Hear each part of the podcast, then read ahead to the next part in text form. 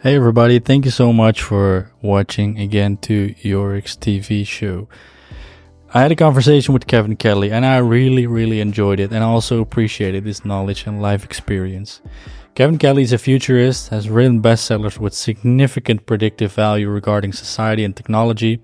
He wrote the blog 1000 True Fans, which has inspired many entrepreneurs, has recorded cool podcasts with Tim Ferriss, and with his life experience and wisdom, he gives incredibly powerful advice in his latest book.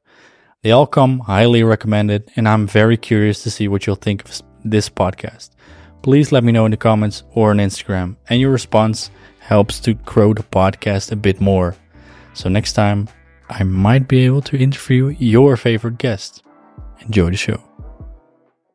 I'm very honored to, to speak to you uh, because I have um, heard so many podcasts you were on. And um, when I wanted to invite you, I also started reading your books again. And um, what struck me was um, this podcast is built because I want to inspire people um, to have those childlike dreams and to keep in touch with them. And somehow, when I read your content or when I listen to your content, um, or even look at your art at Instagram, you you kept in touch with the, those childlike dreams so much. It's, it's all all always looks so playful, and um, I was wondering, um, what do childlike dreams mean to you? Do you still have them? Are you still in touch with them? Mm-hmm, mm-hmm. That's a really good question. Um, I, am not. Um, I'm not someone who's actively cultivate dreaming and being in touch with my literal dreams from when I'm sleeping, but I do try and um, deliberately um, use my childlike imagination to to to to be playful, to um, to not what's the word I want to not try to censor myself too much when I am being imaginative. And I think that um, the act of imagining what could be and what might be is um, is is very very important in terms of innovation and uh, uh, progress.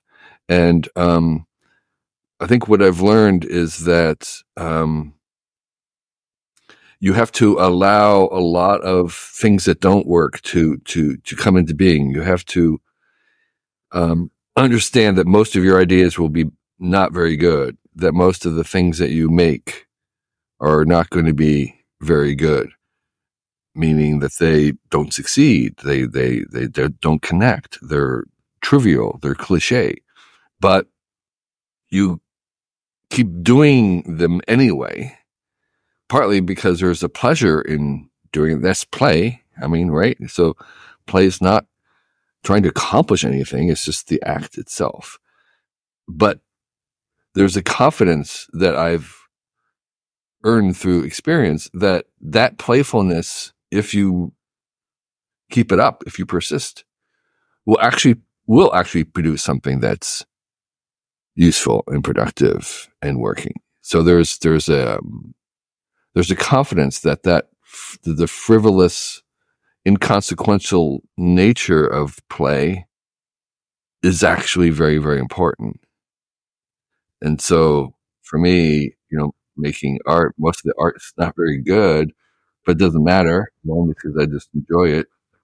But secondly, I know that the only way to do something good is to keep doing the stuff that doesn't really matter, and then you will make something that does. That's the only way to get there.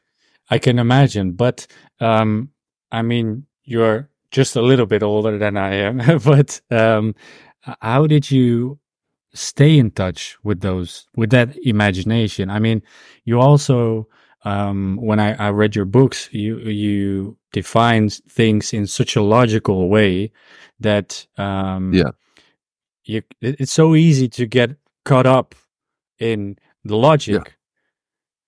How do you stay away from that too much? Well, it's it's not. I think what, what I would say is, um, I don't think my powers of logic are necessarily any good or even childlike. I think maybe this is my interpretation of what you're feeling, which is that um, when you're thinking about things, like say talking about the future or whatever, or even the present, it's very, very hard, or, or the hardest thing, I should say, is letting go of what we think we know, of, of letting go of what we expect, of letting go the official version of things. And that's where the imagination comes in.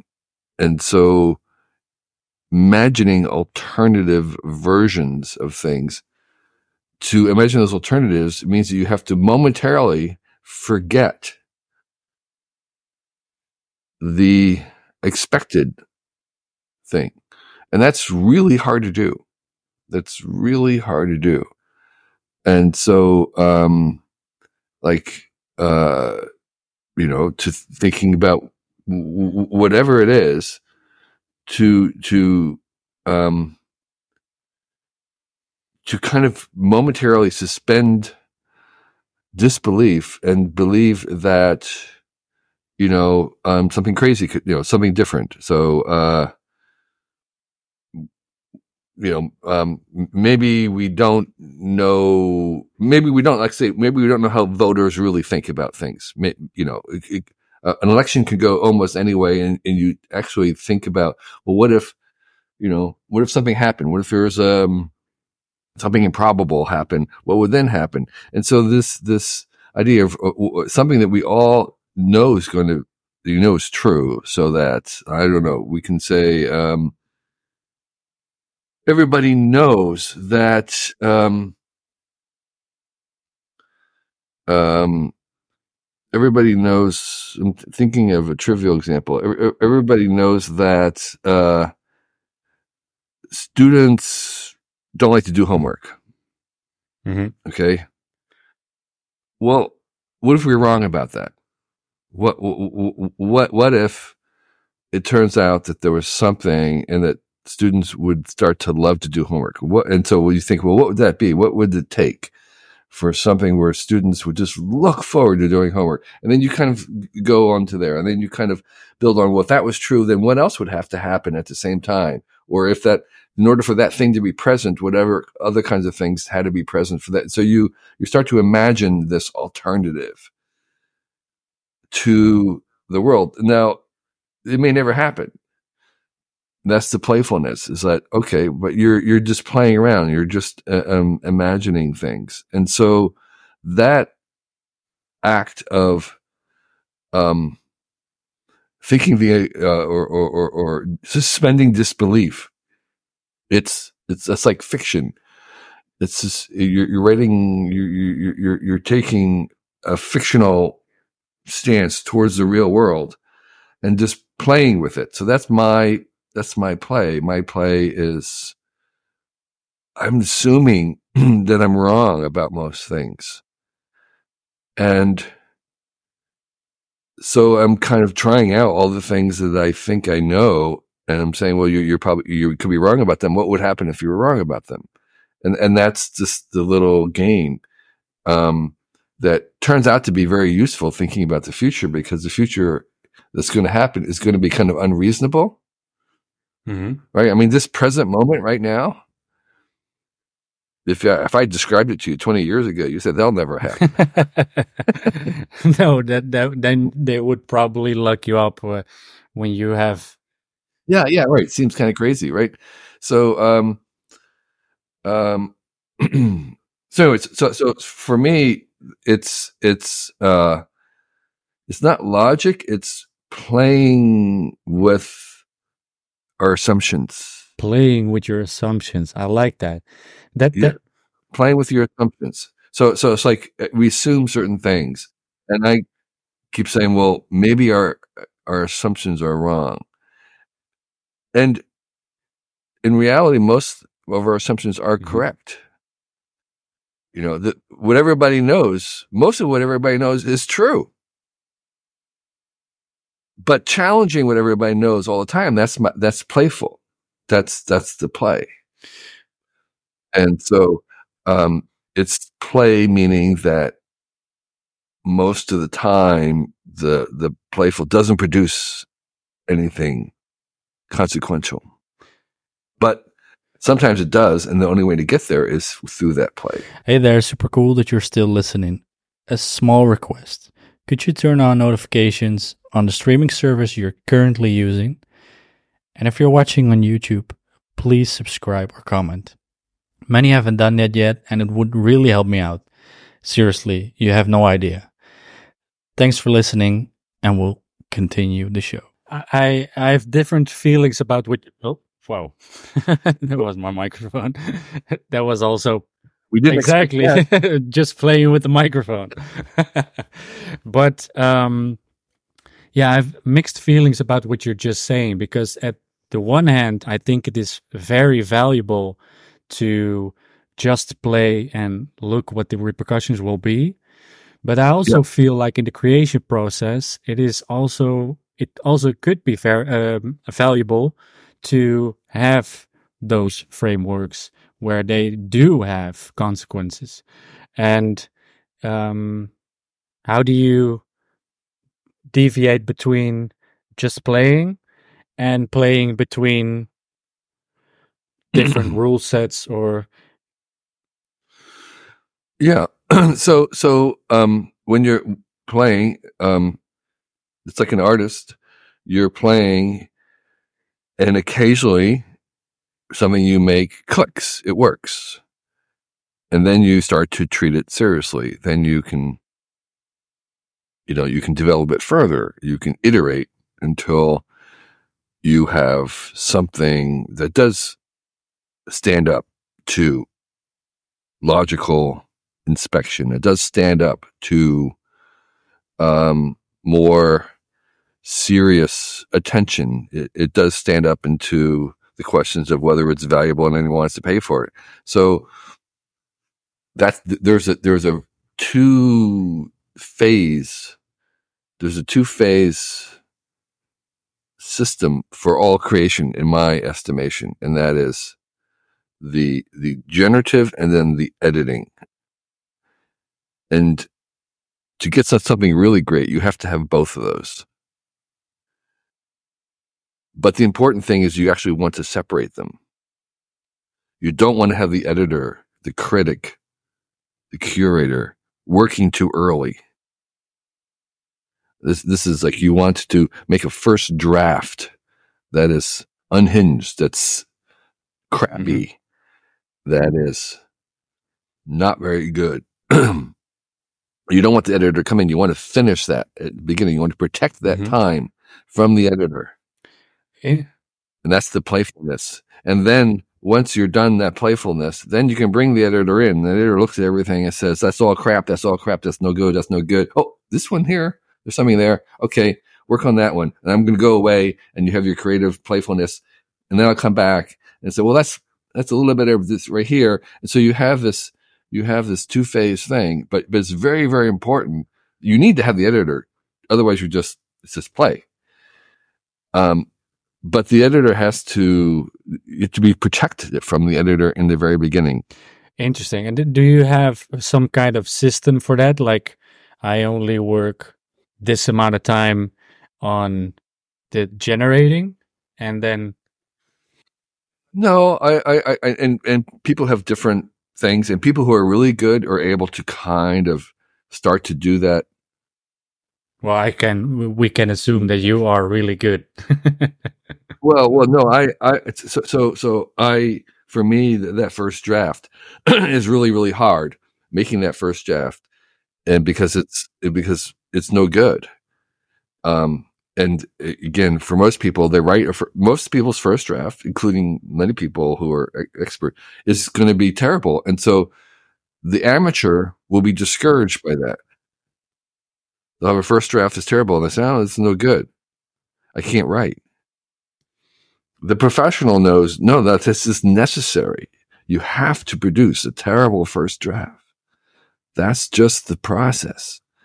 The people at Pixar like to talk about the fact that every single Oscar winning movie that they made started out being completely sucked. It was just sucking. And their job is to unsuck it iteratively, just take, make it less and less suck more or less. And so they're trying to, and so that's, they know that that is a process. The fr- process is in the beginning. This movie will suck. And you, you use that to go forward. And so everybody's process of that, that rhythm and, you know, how much time they spend, it depends on the thing, the project, the people, but it's important to understand that it's an iterative process of kind of playful, unleash playfulness with no criticism. And then another phase where it's total, honest evaluation with no mercy. Mm-hmm. Okay. Call it killing your babies, where you, some of the best parts that you love, you say, no, that, I, we have to take it out, even though it's lovely and you, whatever it is. It's a great scene, but no, a ruthless editor with no mercy is just killing all that stuff. And so you have both of those going on around and around. And so a lot of people are, don't understand that that one phase of the kind of unleashed, unprotected, playful thing that's producing mostly crap is an essential part of making something great. I love how you put that when uh, that the uh, professional thinks is it is necessary to to suck at first. Um. You obviously you you wrote a lot.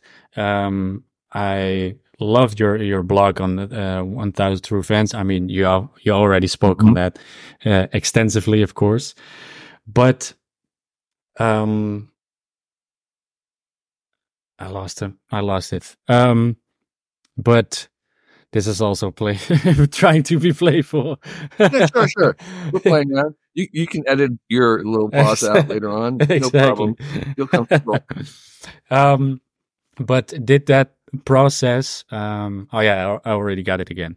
When you are a professional like you are, um, yeah. you, you can separate those processes. But one, what I can yeah. really uh, appreciate about um, true creators, uh, like you, you mm-hmm. recognize them, is that they recognize for themselves uh, when the, the sucking process is done. Um, yeah. And, but you have to remove so many noise before you get to that point. Um, yeah. How yeah. did you get to well, know yourself to, to know that, that true truth in yourself? Yeah. Well, you know, you, you mentioned something that's really very, very difficult is to know when you're done. And, um, it was Steve Jobs, um, who said basically, um, you know, real artists ship. So, so, so um, a lot of artists and creators and inventors, um, the the way that they're done is simply that they have a deadline. You know, they have a gallery, they have a show coming up. They have a deadline. They've got a you, you the book is going to be published, the movie is going to come out, and and most work is is abandoned. That's how it's done. That's how you know you're done. You're done is because you've run out of time. Okay, and so I I, I am a big believer in deadlines, and I think deadlines um,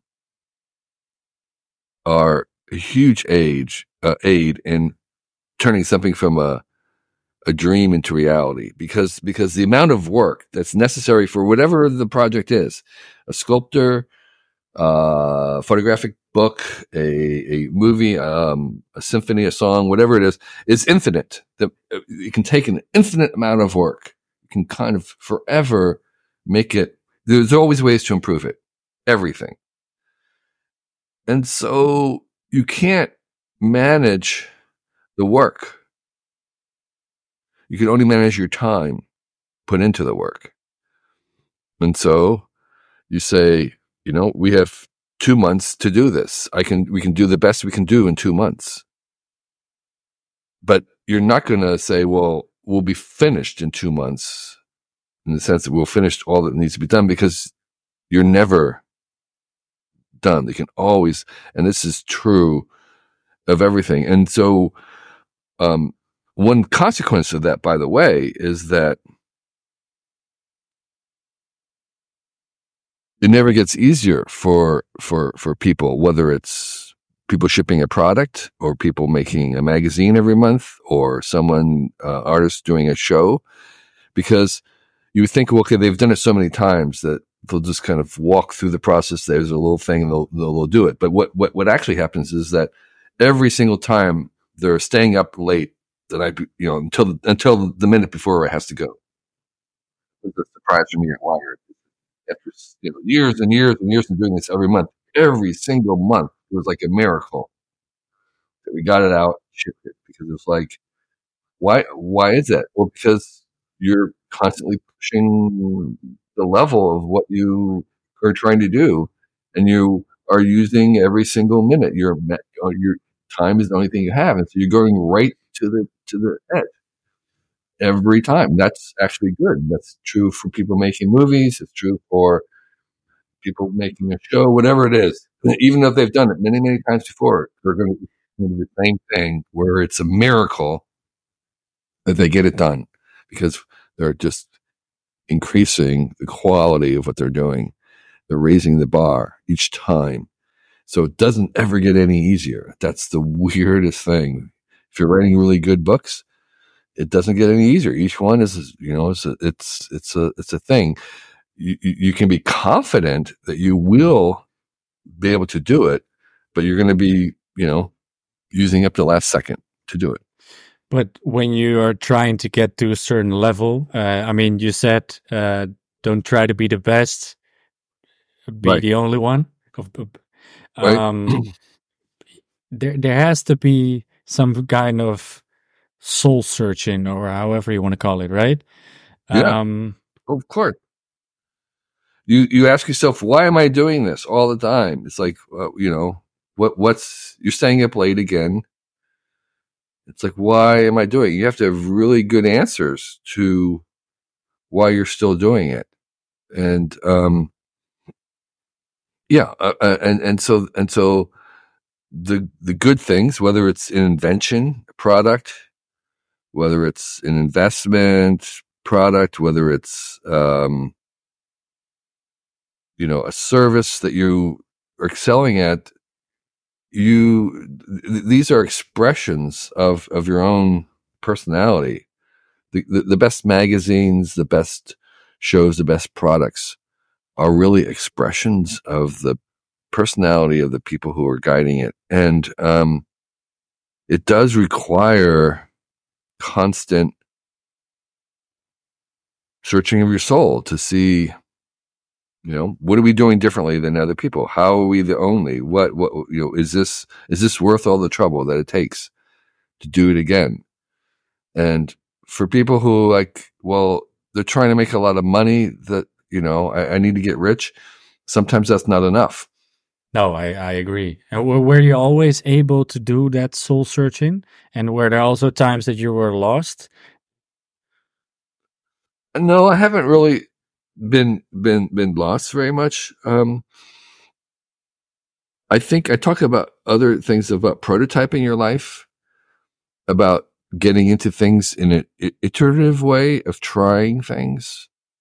So so um I kind of creep into things in a iterative prototyping way, which easy trying this, trying that, saying yes to things in a small manageable way where I'm testing things. It's it's like the way you make something big is you do lots of little steps to do it on the way.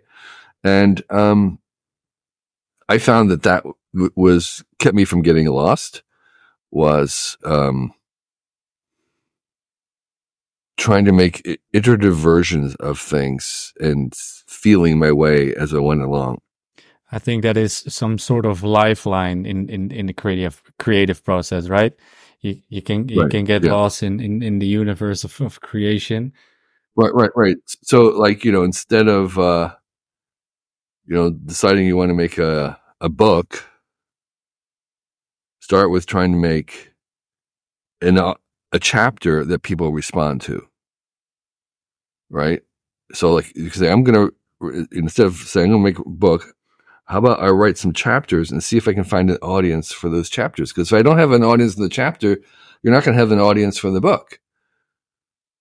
And so, um, and then if you have an audience for the chapter, what about just you know half of it? What about just an essay? What about like one page? Can I find people who respond to that? And then kind of grow it from there. So, so I think that helps you from getting lost if you can kind of iterate your your way into things.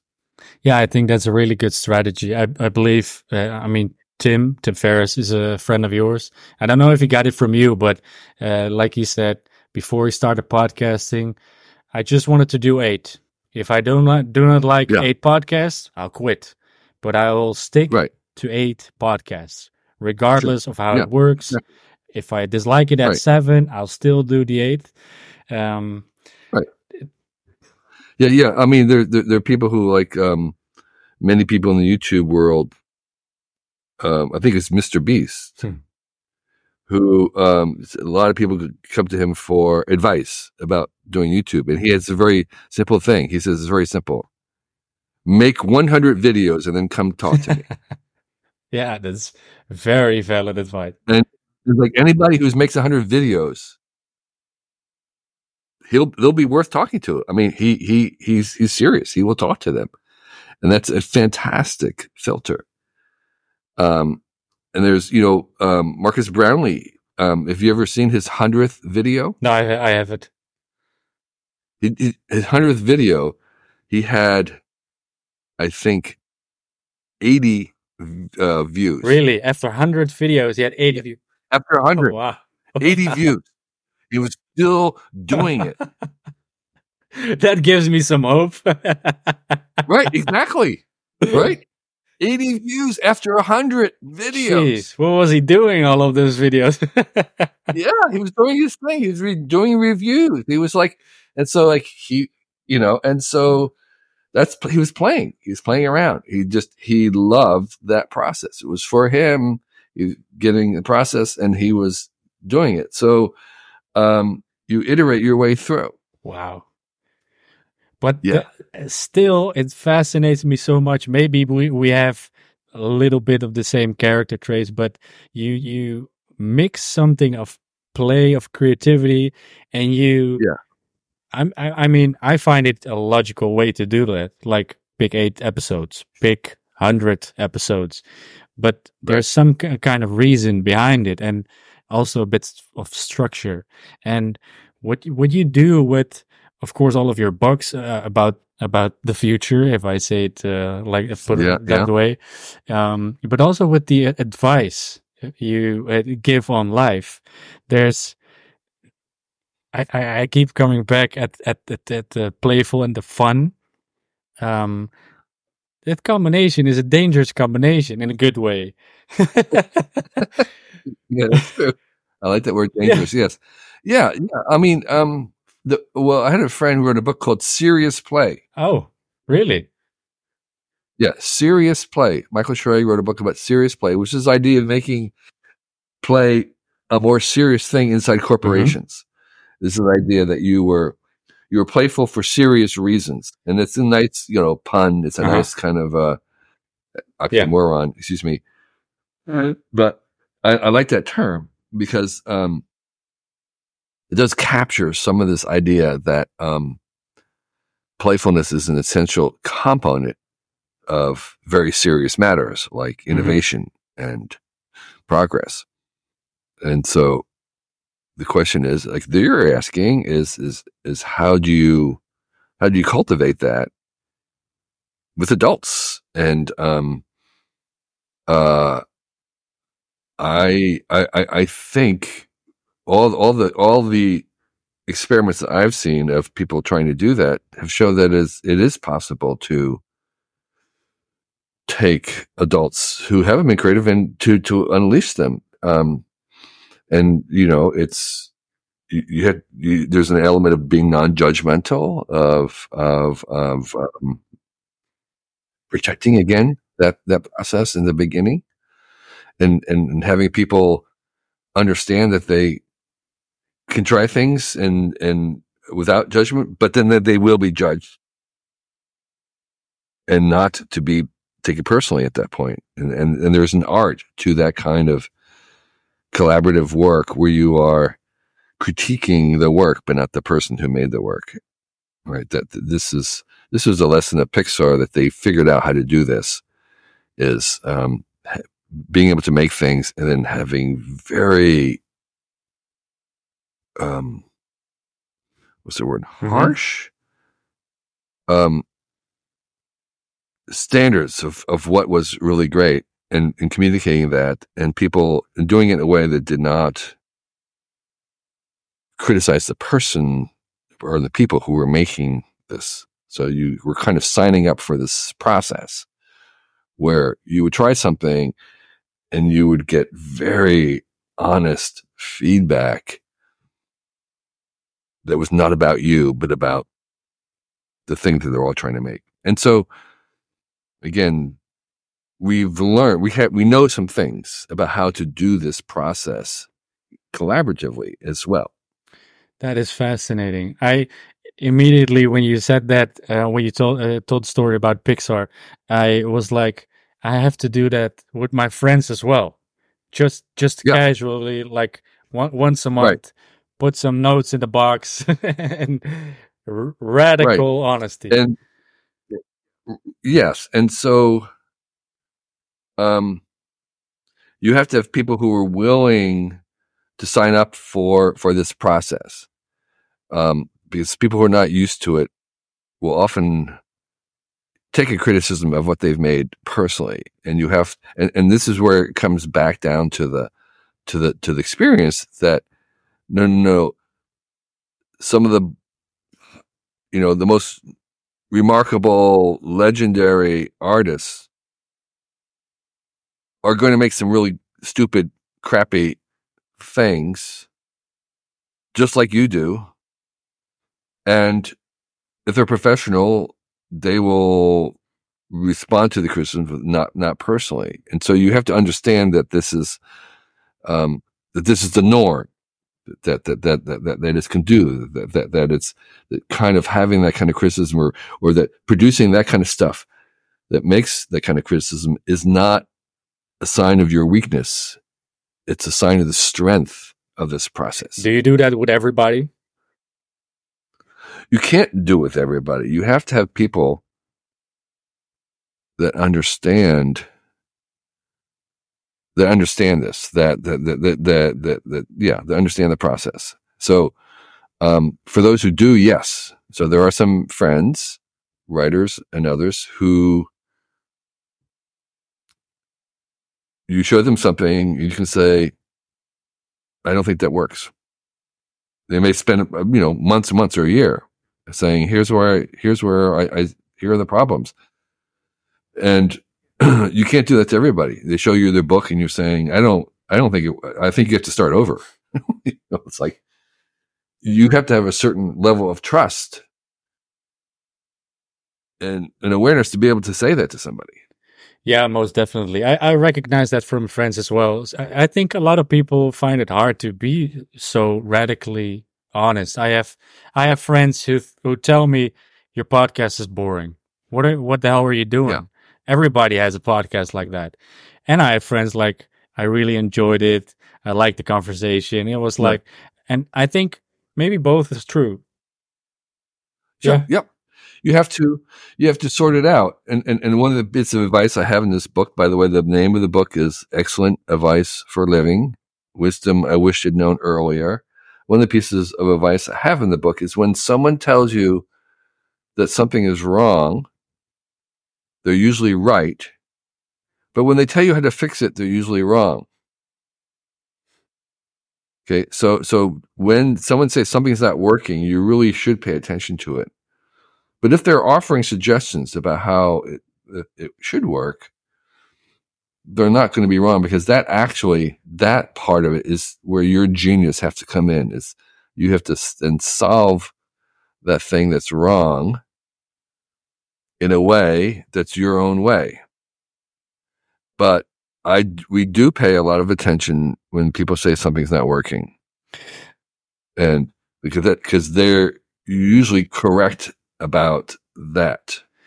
I, I love how you separate the the critique from the advice and uh, what I find even more interesting is that you are able to separate those two aspects of Yeah. what the other person is Yeah. saying. What makes it so different? Yeah. Well, um, if if you, I mean, you have to believe that that things can always be improved, and there's always room for improvement. Um, and you know, pe- people. That doesn't mean that every criticism of what you do is is correct. I, I we take it as as a signal of some sort. They they actually may not be correct about the actual diagnosis, but they're correct about something. And sometimes what they're correct about just doesn't matter. Right? So you know, people tell me misspellings or typos is like I don't really care. You it it, it the spellings of things is if I'm if the communication comes through, it's fine. So so there are there are things that that people are correct but don't matter. And that's often a lot of what um, criticism is.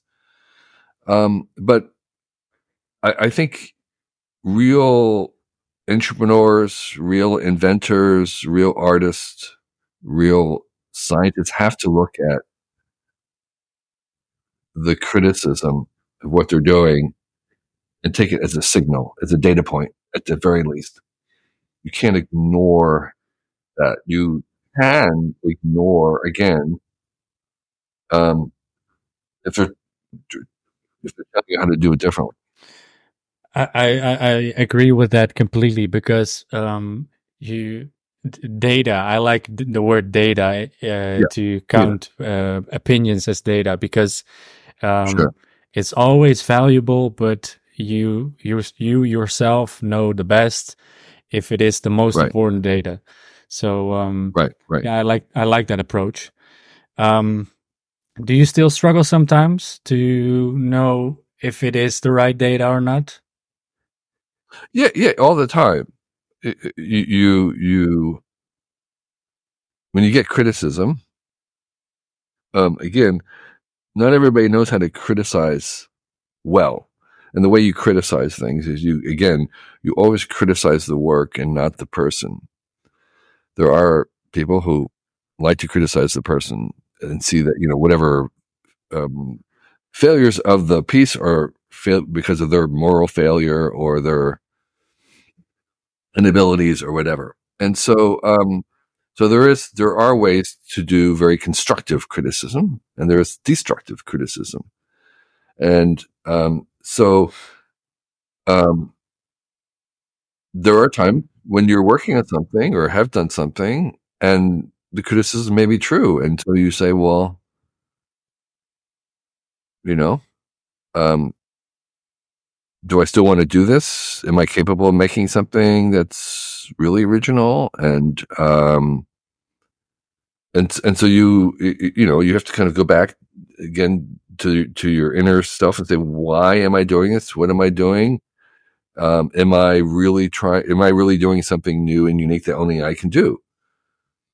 Um, and so, um, I, I, I find that that kind of conversation for anybody who's really authentic, trying to do something truly new and novel is, is a constant thing. It's, it's, um, always going through their head at certain parts of the project. And in certain parts of the projects, you have to turn that off and just go and finish it. Again, this is idea that there's phases where you're protecting things and then phases when you are open to the criticism but you there are phases where you have to close yourself to that criticism.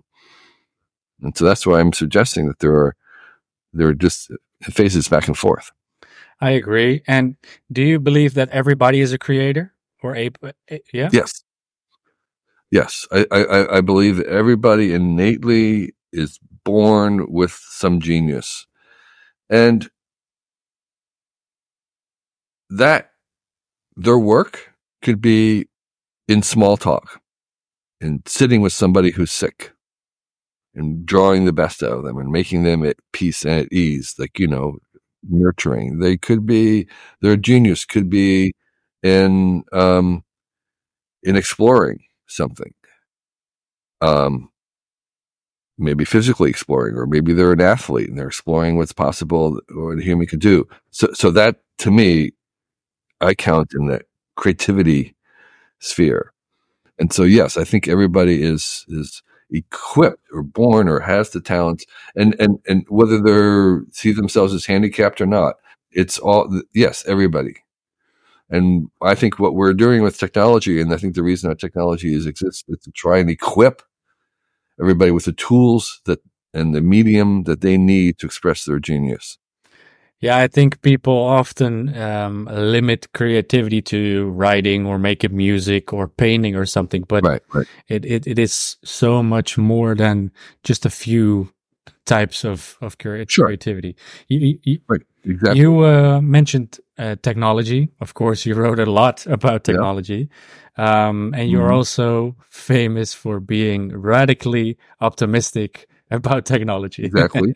yeah. Um, even during those times right now with AI um, and all of those developments.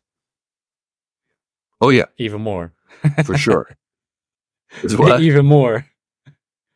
even more. Yes, exactly. Yeah. Um, what what can I say about that? Um, I think um, I think that it's v- the very early days, the very, very, very early days, and we don't really know what this AI stuff is. Um, and we're kind of, again, we're, we're, we have all these preconceptions in our mind. I think we have some imagination to try to have alternative alternatives of what um, of what we think is happening. So so so so so uh, the people who invented these tools, people who worked on large language models, have no idea what it can do and what it can't do. And they're the only way we're going to figure this out is the users, the, the people using it are going to figure out what this is good for and what it can't do what the harms are, and that will take some time. And so, um, I think we're kind of uh, doing some premature uh, criticism, and we should protect this time more for for playing. Okay, so with, with we spoke about that process before. Uh, we're we're still yeah. in the generating part, and we don't have to call in the editors just yet.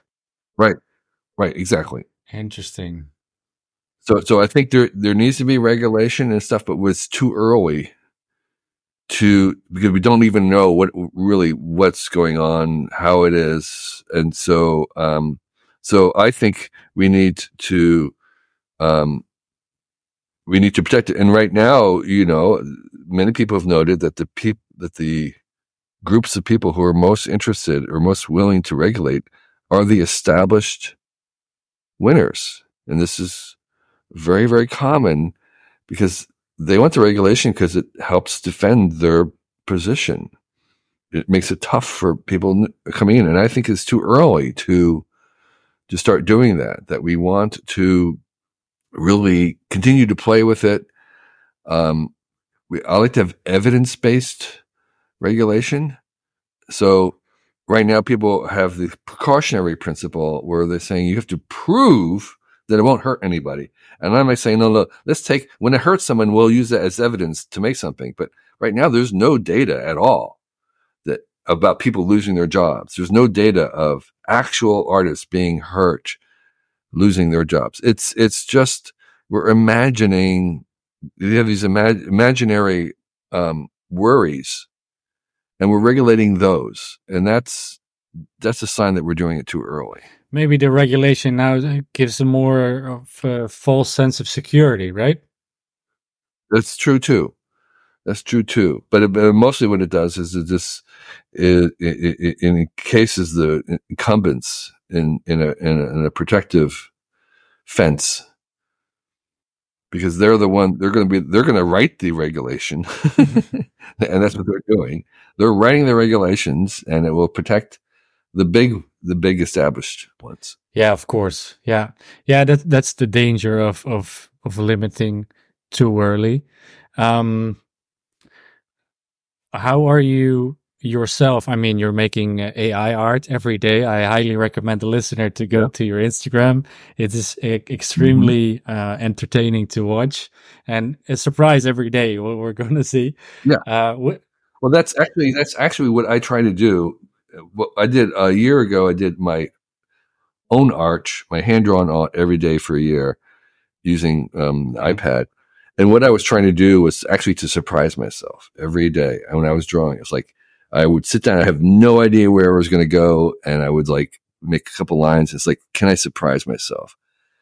And the same thing I'm doing with AI art um, that I'm co-create within, and I'm happy to sign it because I, I can spend half hour to an hour working on an image. And so, um, but I'm trying to surprise myself. And so that's, I'm, I'm playing. And that's my play is to go somewhere where I haven't gone before and surprise myself. And and I watched a um, I watched a documentary about Picasso, mm. and it was a documentary of Picasso working on one painting. It was like a time lapse where he was working and reworking this painting again and again, and you're seeing it. Seeing him working on it, and it's like you, he'll work on it for, and then you say, "Oh, that's that's that's really that looks cool. And then he would like alter it some more, radically alter it, where he could paint over it. And it's like, well, that's really good too. And then he kept doing it on and on, dozens and dozens of times of kind of like almost repainting the thing. And it was like, what's he doing? What's he? He's looking for something. He's searching. And I finally realized what it was that he was searching for. He was trying to surprise himself. He was looking for something that nobody had seen before, that some weird thing that, so he wasn't trying to make things beautiful. He wasn't looking for something that was gorgeous or pretty or stunning or beautiful. He was, he was trying to surprise himself. And that was amazing. And so, um, do you remember the name of the documentary? I, you know, I, I don't.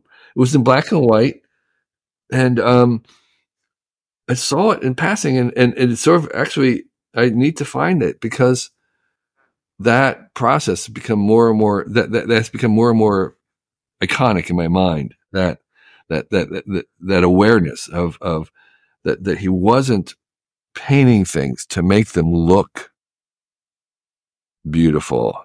He was he he he would call like looking for truth. He was looking for something that he had not seen before, and that is sort of part of what I try to do with the AI art that I'm doing.